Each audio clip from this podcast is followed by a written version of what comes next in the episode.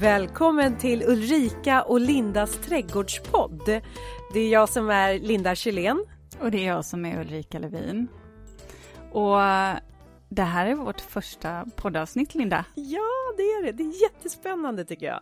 Det här ja. är något nytt för oss att eh, dra igång en podd här hemma i eh, våra tv-rum där vi just nu sitter, eller i mitt tv-rum då. Ja, men precis. Mm. Och jag tänkte att vi redan nu ska börja prata om vad podden ska handla om. Och kan inte du starta med att berätta dina tankar?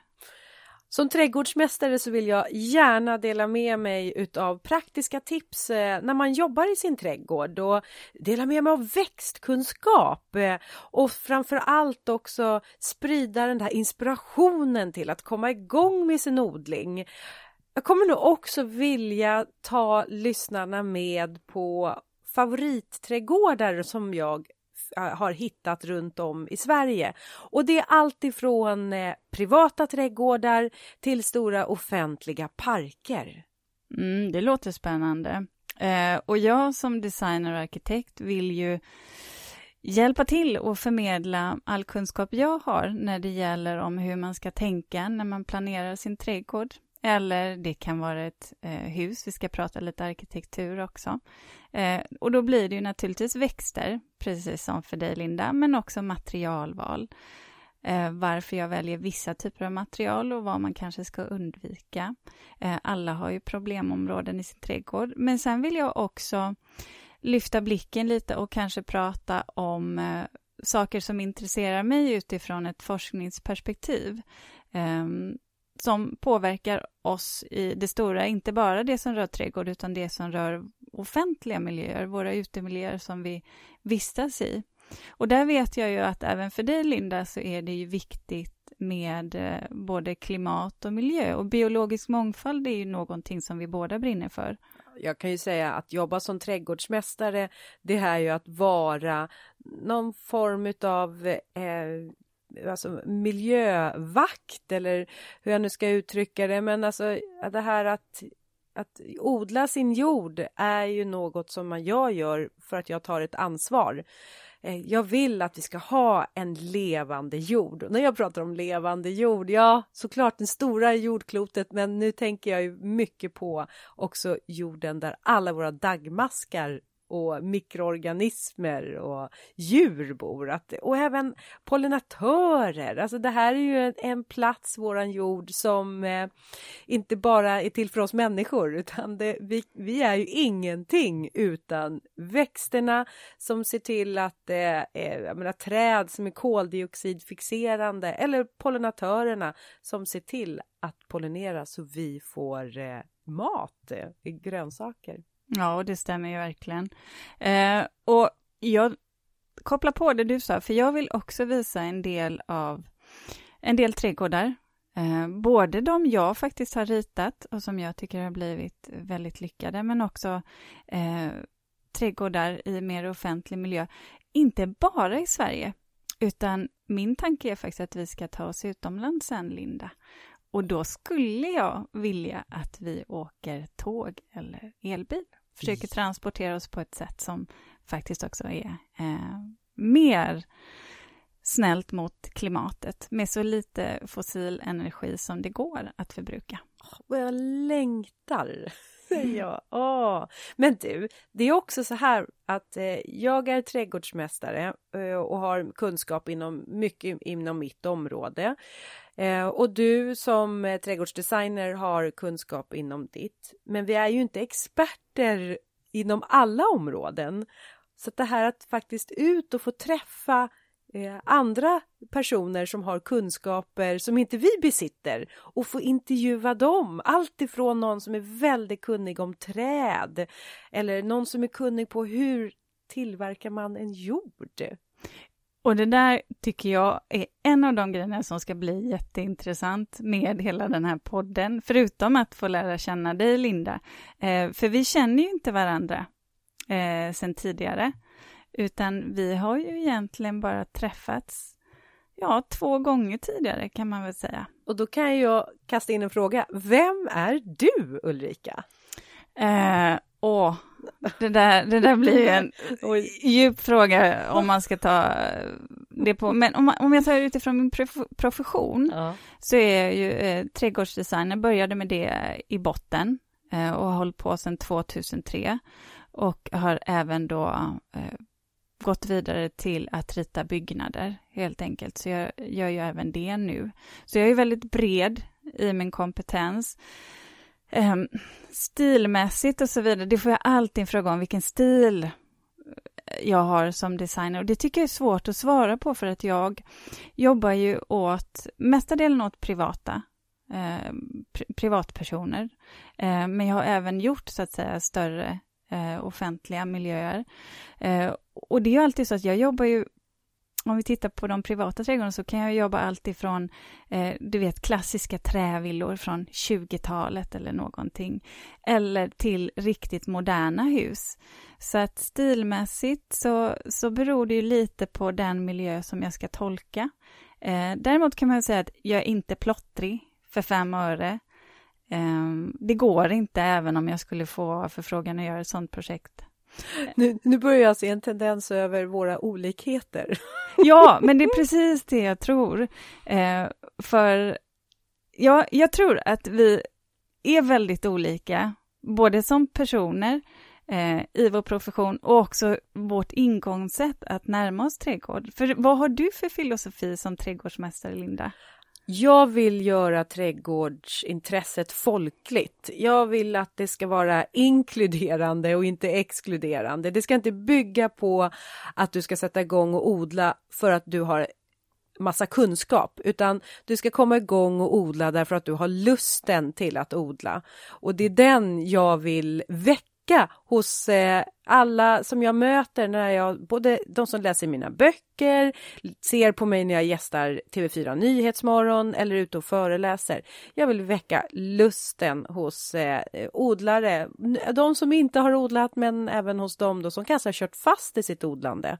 Och där eh, tycker jag själv om att arbeta i trädgården på ett sätt som kan förenkla.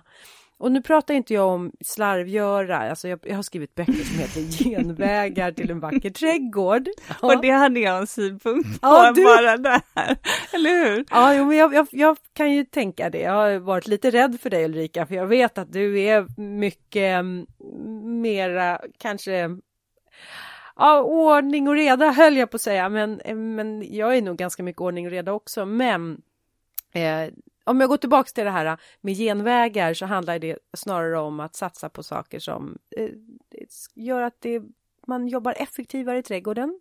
Men det kan vara en sån grej som lägg ner en trädgårdskant mellan gräsmatta och grusgång så får man alltid en skarp kant och liksom struktur i sin trädgård. Det kan vara en sak som en genväg. Och det, där säger du någonting som jag tycker är jätteviktigt som vi ska ta fasta på i eh, de här poddarna vi kommer göra, det vill säga att minimera alla måsten. För det blir ju lätt så att om man alltid ska jobba mot naturen eller mot sin egen vilja, sin egen personlighet, så blir det sällan bra. Och jag, ja, men jag tycker nog ändå att det att vi ska komma tillbaka till det. Mm. Och då kan man ju också, jag kan ju känna att om jag ska beskriva mig själv med två ord så skulle jag vilja säga att jag är en eh, trädgårdsmästare som jobbar med ögonmått och är dessutom en obotlig tidsoptimist. Mm. Ja. Hur kontrar du den? Ja, Eh, Vad är du? Ja, ja, ja, men jag skulle egentligen vilja säga att jag är din totala motsats där. Jag, eh, ja men som arkitekt så, så klarar jag inte av när du inte har kontrollerade mått till exempel. Och det säger sig självt i min profession. Du kan inte beställa en dörr till exempel som är två centimeter eh, för stor för vad du har planerat att dörrhålet ska vara. Det finns ju sådana aspekter också som gör att det kan bli väldigt kostsamt om jag sjabblar i mitt arbete. Um, och det kan vara lite likadant utifrån när, man, när jag jobbar i en trädgård, att det ändå ska finnas eh, tydliga linjer. Och framförallt tydligt blir det ju när jag pratar, eh, när jag vill alltså när jag väljer att placera saker, det vill säga att jag tittar mycket på olika perspektiv. Vad ser jag när jag är i en trädgård? Vad ser jag när jag är inne i huset till exempel? Och det tror jag, där tror jag vi är lika. Mm. Och känslan och få fram en atmosfär. Mm. Ja, jag ska väl också säga det att jag är inte bara trädgårdsmästare utan även konstnär så att för mig handlar det ju mycket om att min trädgård är ju en del i att vara konstnärlig, att få uttrycka mig konstnärligt och där, närligt. Och där ser jag trädgården som en tredimensionell målarduk och i ett konstnär, konstnärskap, när man skapar, så är det ju sällan så att eh, det här med att begränsa sig med ramverk och vad som är rätt eller fel. Det är ju kanske inte det som sätter igång kreativiteten och det är väl därför som jag inte jobbar så mycket med måttband utan jag gör det mera just på känslan. Jag vet att eh, Carl Malmsten, eh, heter han, möbelformgivaren som eh, startade Kapellagården nere på Öland. Han uttryckte det så himla bra tycker jag, för han sa att hans elever, han värdesätter de som har intelligensen i sina händer. För det handlar om den här känslan och um, eh, ta på saker och liksom få en känsla för platsen och, och sen måla med färger i trädgården med perenner till exempel. Och jag tror att det här att vara konstnär är eh, och använda sig av trädgård som konstnärligt material. Det har funnits i alla tider. Alltså titta på paret Karl och Karin Larsson mm. till exempel. Det Monet. Var, ja, men Monet. Mm. Eh, Arts and Crafts-rörelsen, det hantverket. Så det, det, är ju där som min ingång till trädgård är. Det, det handlar om att jag ser trädgård som ett sätt att få uttrycka mig konstnärligt. Mm. Och det här, det här är ju också en sak som jag tycker är ganska roligt, för vi har pratat om det här tidigare. Eh, om, så fort man pratar trädgård, så tror alla att, att jag kan allt om trädgård och det är så fel. För att, och likadant när jag är designer, för jag är sjukt dålig på att rita för hand. Jag, alltså jämfört med dig som är konstnär. Utan jag har ju ett datorprogram. Sen är det klart att jag, precis som du, eh, gör de här 3D-bilderna i huvudet och ska kunna förmedla det på ett sätt så att det blir bra. Den förmågan måste man ju besitta även som, som designer. Men det där, jag tycker det är spännande och någonting som jag också vill lära mig under den här podden, det är ju det här med odling, för du vet att jag har ju precis börjat odla själv mm -hmm. eh, och kan ju i princip ingenting. Jag kan göra jättefina köksträdgårdar designmässigt eh, och veta vad saker och ting ska vara. Men sen är det så många andra saker som Vad det handlar in. om att du går bet på det här med skötsel eller att ta hand om det. Du vet ja. vilka växter som trivs vart, men sen när det handlar om skötsel Ja, och jag är, jag är fel, ute i fel tid. Jag får ofta känslan av att eh, okej, okay, hela våren har gått, jag kommer igång för sent, jag skulle ha eh, förodlat någonting. Alltså jag, jag känner Fast, alltid att jag är tvåa på bollen. Ja, och jag, ja det retar men jag tror det, Ja, men det där med att vara tvåa på bollen när det kommer till odling när man jobbar ändå inom trädgårdsbranschen. Det tror jag vi är många som är som vaknar upp efter midsommar och bara säsongen Vårsäsongen har liksom gått mot sitt slut. Eh, alla har fått ner sina grönsaker och sommarblommor och gjort eh, plantering av häckar. Och vi har ju varit där och jobbat och sett till så att alla andra har kunnat få till sina trädgårdar. Sant. Och då är det dags för oss att bara, men nu då ska vi ta oss över våra egna trädgårdar. Och då har vi kommit in i juli månad. så att jag tror väl att eh, en viss eh, del ligger i att vi jobbar inom den branschen som vi också har ett intresse i. Ja, och och dels tänker jag att det här kanske vi också, dels så kanske det är en föreställning jag också har, att det vill säga att man kan bara börja med sin odling på våren, men det, det förstår jag att det stämmer ju inte, för man kan ju göra saker ganska långt fram under säsongen, och det tänkte jag, det är en sån sak som jag skulle vilja att du lär mig och hur man ska tänka och som vi kan förmedla till lyssnarna för de som faktiskt är precis som du och jag, kanske upptagna ganska lång tid innan semestern kommer och sen först orkar engagera sig när man är ledig. Men får jag bara säga, vet du vad jag är nöjd med? Nej. Jag satte några squashplanter och det stod ju att eh, de kommer, de skulle man förgro, förstod jag sen. Ja, du har sått dem från frö eller? Ja, jag sådde dem på friland. När gjorde du det då? Ja, för någon vecka sedan sådär. Och vad har hänt med dem då? De har kommit. Har de kommit upp? Ja. Är det små hjärtblad som har tittat Ja. upp? Och, Eh, du, och nu blev jag så rädd att du kommer säga att nu är det fel. du, dina ögon glittrar. Ja, men Jag, jag är så vansinnigt nöjd för det skulle uppenbarligen inte gå, men det gick. Men, men vad var det som inte skulle gå? Att de inte skulle börja gro? Eller? Ja, de skulle inte gro. Varför skulle de inte gro för? Nej, jag vet det är precis det jag menar. Och jag är ju så vansinnigt kunnig inom allt annat. Men det här, du vet. Så, så att jag kan säga, vet du vad jag gjorde med min persilja? Förlåt, jag ska, jag ska bara säga det här, för det här är så, för alla er som är som jag, intresserade av trädgård och design, men noll kunskap när det gäller att odla mat, så kan jag säga så här att jag var jättestolt över att mina persiljakvistar hade överlevt, för det har ju inte varit någon riktig vinter här i Stockholm. Så jag tänkte att, åh, jag delade dem och tänkte att nu ska jag eh, lämna det vidare och kontaktade mina kompisar. Kolla, ni kan få persiljakvistar av mig och sätta ner. Självklart. Tills jag läser, ja, skälkar. Ja. Ja. och tills jag då läser i en, eh, en sån här trädgårdsbibel att jo, visst du kan ha kvar dem, men de kommer ju gå i blom det här året, så du kommer inte få nå så mycket persilja av det. Utan jag insåg att fan, jag måste ju så om allting i år igen. Åh, men nu har ju du lyckats att eh, visat att du kan lyckas få fröer att gro på friland. Ja, Mm. uppenbarligen. Men det är inte för sent att ändå få igång en köksträdgård så här års. Nu har vi kommit en bit in i juni.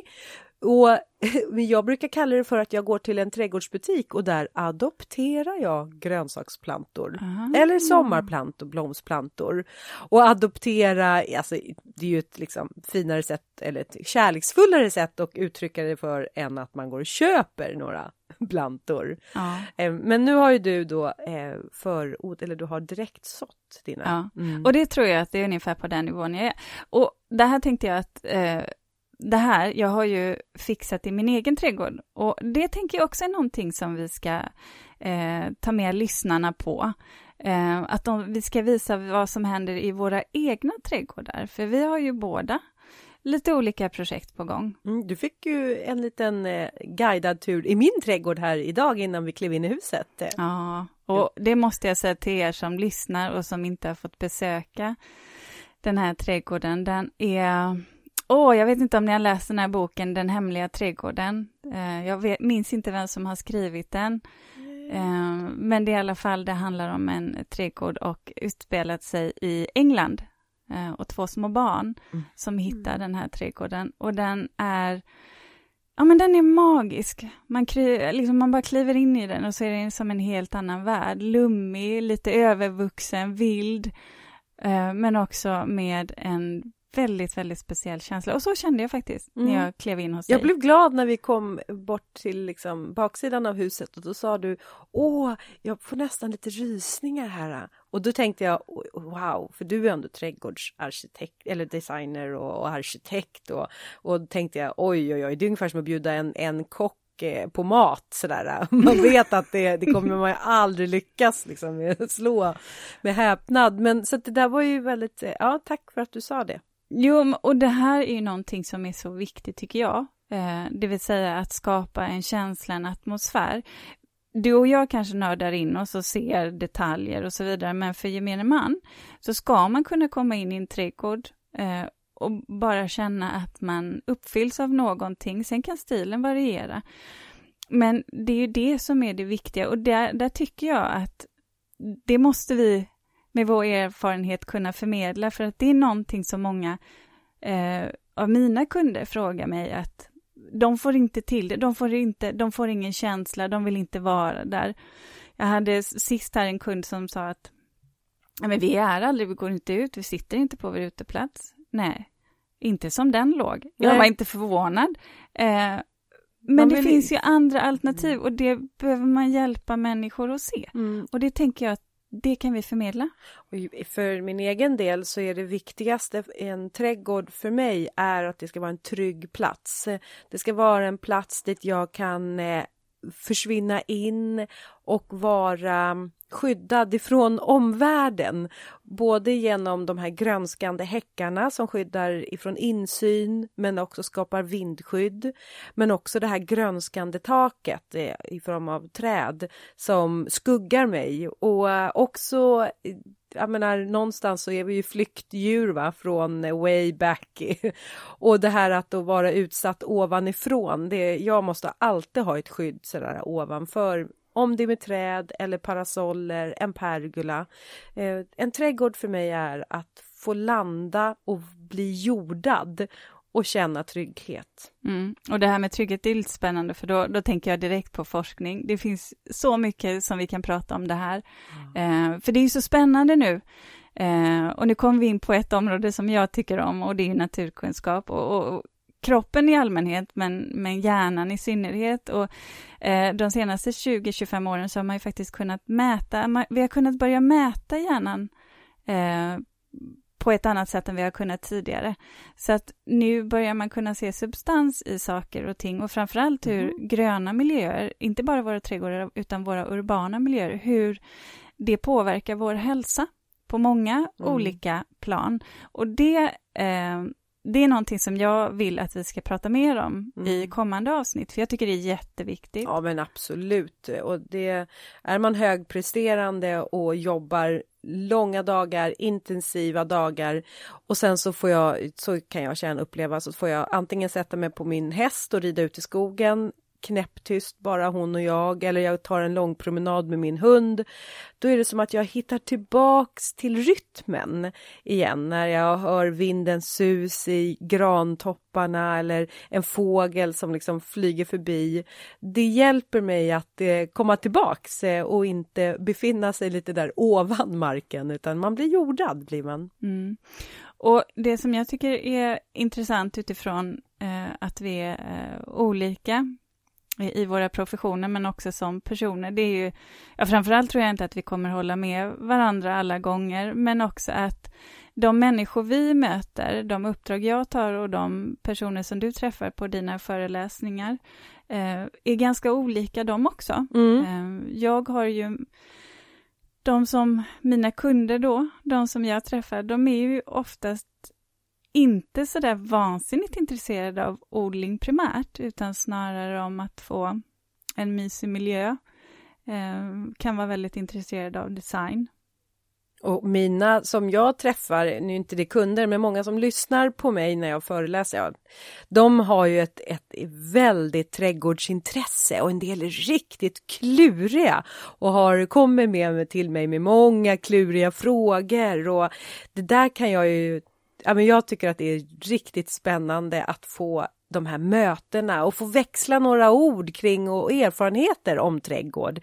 Och, och få dela med sig av varandras då, som sagt, mm. erfarenheter. Och här tänker jag att här ska våra två världar få mötas Inte i krocka. vår podd. Inte krocka? Nej. Eh, ja, vi får väl se vad det blir av en sån krock i så fall. Ja. Men jag tror att det blir intressant. Mm. Och jag vill bara komma tillbaka till eh, hur vi träffades, för det var ändå så pass lustigt där, för att vi träffades ju på en mässa för, ja det är många år sedan Linda. Ja, det här har du påmint mig om och eh, jag hade glömt bort det, men det måste vara nästan tio år sedan. Ja, men det tror jag, för att jag kommer så väl ihåg det, för att um, jag hade haft en körig mässa, jag var där som eh, jag var inhyrd konsult egentligen ett företag och jobbade med rådgivning just under mässan. Jättetrött. Eh, och så kommer du fram eh, leende och bara säger att du, jag måste få tacka dig. Och så berättade du att det var en artikel som du läst om mig i DN som hade fått dig att byta bana. Och det här tog jag med mig, för jag blev lite jag blev tagen av det. Dels att du tyckte jag att du var modig som faktiskt bara kom fram och sa det. Eh, dels för att jag blev glad, men också för att jag inte hade reflekterat kring att jag som person hade kunnat påverka någon annan. Att jag gör det i trädgårdar, utemiljöer, att jag kan plantera träd som kommer att stå där 200 år. Ja, det perspektivet har jag mm. haft, men inte inte på ett personligt plan. Nej, och, då, och det stämmer därför att jag, jag har med mig tidningen här. Ja, tog jag med mig den. Här har jag en, eh, en tidning, DN Bostad. Och det är, eh, det står en, en rubrik eh, här, eh, trädgårdssinnlig och sen så har vi dig här Ulrika på första sidan. Mm. Och då är det så här, jag jobbar som flygvärdinna för 15 år sedan. Och jag har semester, jag sitter ute i vårt semesterhus eller sommarstuga och semestern börjar gå mot sitt slut och jag tänker Åh, nu ska jag tillbaks in i det där aluminiumröret och spendera många timmar. Men tänk om jag kunde jobba med någonting annat. Men vad skulle det kunna vara? Och där sitter jag på altan och dricker en morgonkaffe och så hittar jag dig på framsidan av den här eh, DN, den här tidningen. Och så bläddrar jag i och där står det på dubbelsida Uppdrag att hitta trädgårdens själ. Och Ulrika står här med vinden i håret, ett eh, brätte med eh, olika perenner ja. och du håller på och anlägger en trädgård som jag misstänker att du just har ritat. Ja, ute på Lidingö var det på Gåshaga där. Mm. Och jag läser varenda ord, varenda bokstav här och det jag ser är att du har jobbat eh, som ekonomichef och sen har du eh, sadlat om till trädgårdsdesigner efter att du eh, hade läst en eh, trädgårdsdesignkurs på distans via England, mm. The English Gardening School. Exakt. Och efter det så liksom kom framgången och här är du på bild i ja. DN.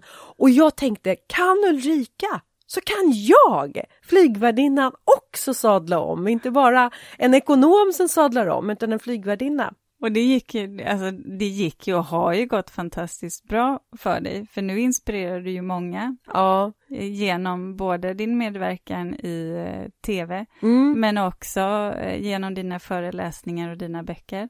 Ja, jo, det, tack, jo det gör jag, men jag blev ingen bra trädgårdsdesigner däremot. För det var ju vad den här utbildningen, jag lägger ner tidningen där, det var ju vad den här utbildningen eh, var, mm. att utbilda sig till trädgårdsdesigner. Men jag hade ju inte den där förmågan att hålla mig till måtten och dessutom så disciplinen att plugga på distans. Mm. Och ganska snart så insåg jag att nej, jag har alldeles för lite växtkunskap. Nej, jag måste backa bandet och då sökte jag till en trädgårdsmästarutbildning, en sån här yrkeshögskoleutbildning. Och kom in 2009 var det. Och sen eh, eh, var den på två år och därefter så sa jag upp mig ifrån eh, flygvärdinnejobbet och eh, kunde liksom stolt titulera mig bara trädgårdsmästare. Mm. Bara trädgårdsmästare skulle jag säga. Och där ungefär i den vevan jag tror det kanske gick en två eller tre år efter den här artikeln, så mötte jag dig på den här mässan. Och det är klart att jag var tvungen att bara gå fram till dig och bara, där är ju Ulrika som har påverkat mig i mitt beslut att ändra eh, en yrkesbana. Ja, det var stort. Och nu sitter vi här. Ja. Efter, efter några om och men, höll jag på att säga, så, så kör vi podd nu. Eh, och jag tänkte faktiskt eh, säga på någonting som du sa när jag klev in i din trädgård och vi gick förbi en rosenskära. Kommer du ihåg vad du sa då? då... Det är ju bara en halvtimme sedan. Typ. Precis. Jo, det här, den här rosenskäran har påverkat, sommarblomman rosenskära har påverkat mig också till att bli trädgårdsmästare. Att få igång ett odlingsintresse. Ja, för du hade hittat dem, va? När du köpte det här huset. Var det inte så, eller? Ja, jag hittade en ask nere i källaren eh, bakom den gamla oljepannan som vi då hade. Eh, och där hittade jag den här frö, eller en plåtask. Och när jag skakade på plåtasken så hörde jag att det är någonting där i. Så nyfiket lirkade jag upp locket och fann fröer med en handskriven lapp där det stod mammas höga blomma och jag förstod att jag just hade funnit fröer som den gamla damen som tidigare bott i det här huset hade samlat på hösten för att så nästkommande vår. Men att livet hade tagit en annan vändning och nu stod jag här i tant Esters eh, källare med hennes fröer i min hand. Och jag kände ju ett sånt där starkt eh, ansvar att få ner de här fröerna i jorden igen, det som var meningen. Mm. Så jag sådde de här fröerna och de visade sig ha 100% grobarhet. Ja, du ser. Apropå dina eh, zucchinifröer ja, där. Ja, eller hur? 100% grobarhet och inte bara i min trädgård utan även i min själ för att det var de fröerna som gjorde att jag fick upp ett intresse för att odla. Alltså jag blev ju passionerat förälskad i trädgården. Alltså det slutade ju med att min man var ju tvungen att gå ut och leta efter mig med ficklampa för att jag var som uppslukad av trädgården på sena kvällar och, och nätter. Mm. Och varje år för att lite hedra Ester som också då har betytt mycket för mitt sätt att komma igång med trädgård så planterar jag varje vår rosenskäror som jag har eh, drivit upp och sår eller från frön och sen så i då våran entrékruka vid förstukvisten. Fast mm. inte nog med det. Jag har ju en liten hund och hon heter ju också Ester. Jag tänkte det. Jag tänkte ja. att det måste vara det. Så än idag ropas det i trädgården här Ester! Ester! Ja. ja. Och då tänkte jag, nu har vi berättat en del om oss själva eh, och var, vad vår podd kommer handla om. Och en sak som vi har pratat om att vi ska ta in är ju eh, något som vi kommer avsluta med varje eh, avsnitt med. Eh, och det är ju veckans spaning eller veckans tanke. Och jag tänkte börja där, Linda, med att säga vad jag har spanat om. Mm. Eller spanat om. Rättare sagt, någonting som jag har uppmärksammat här nu under det här året är att jag har ritat ovanligt många växthus. Ha. Jag är inte förvånad. Du är inte det? Nej. Nej. Och återigen, inte kanske så många som vill primärt odla i dem, utan för att man upplever det som ett väldigt mysigt ställe att vara på. Eh, jag har själv ritat ett växthus åt, åt mig själv. Aha. Eh, det får vi se, det ligger...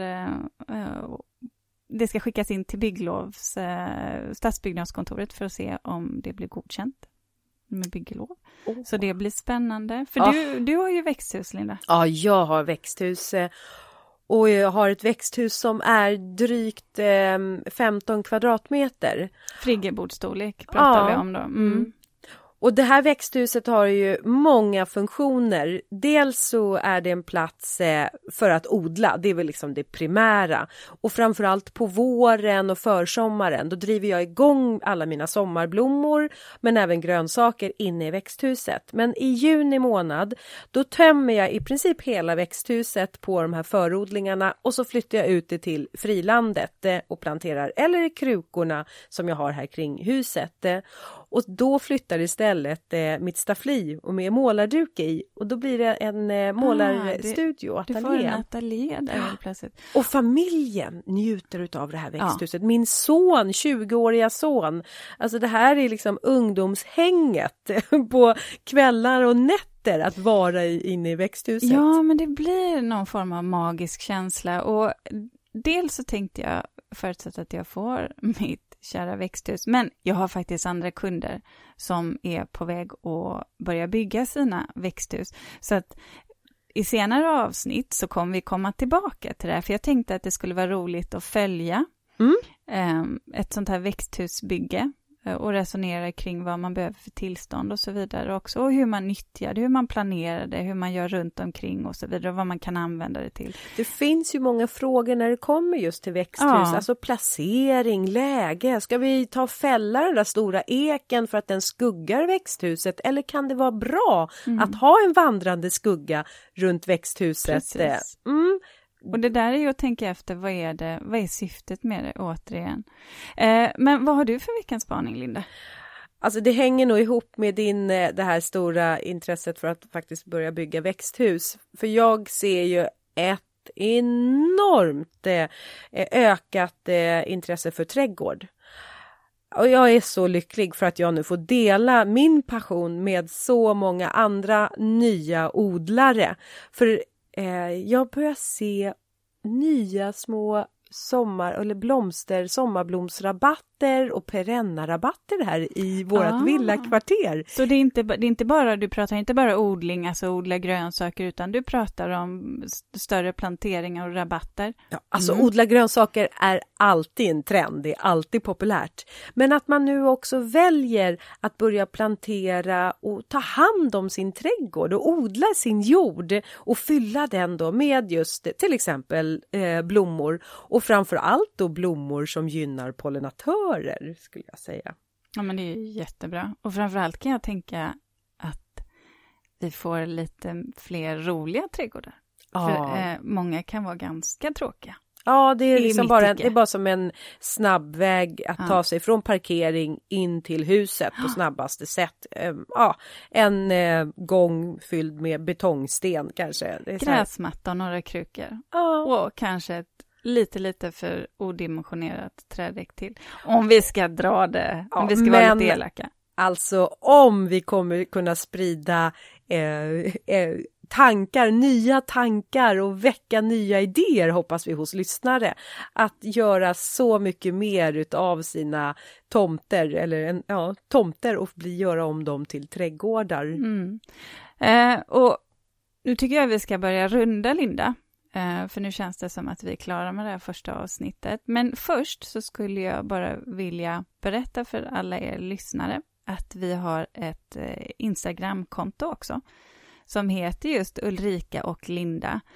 Eh, och där kommer vi lägga ut information, framförallt kanske när vi pratar specifika växter, latinska namn och så vidare. Det kan vara svårt att hinna få ner det på pränt när man lyssnar på en podd, men också för att både du och jag, Linda, eh, tycker att det skulle vara intressant om ni lyssnare vill följa med oss när vi är ja, ute på jobbet. Ju, ja, och sen vill vi ju prata med er lyssnare. Vi vill ju få att ni ska skicka meddelanden till oss här så att vi vet, eh, är det någonting som vi andra ämnen vi kan ta upp?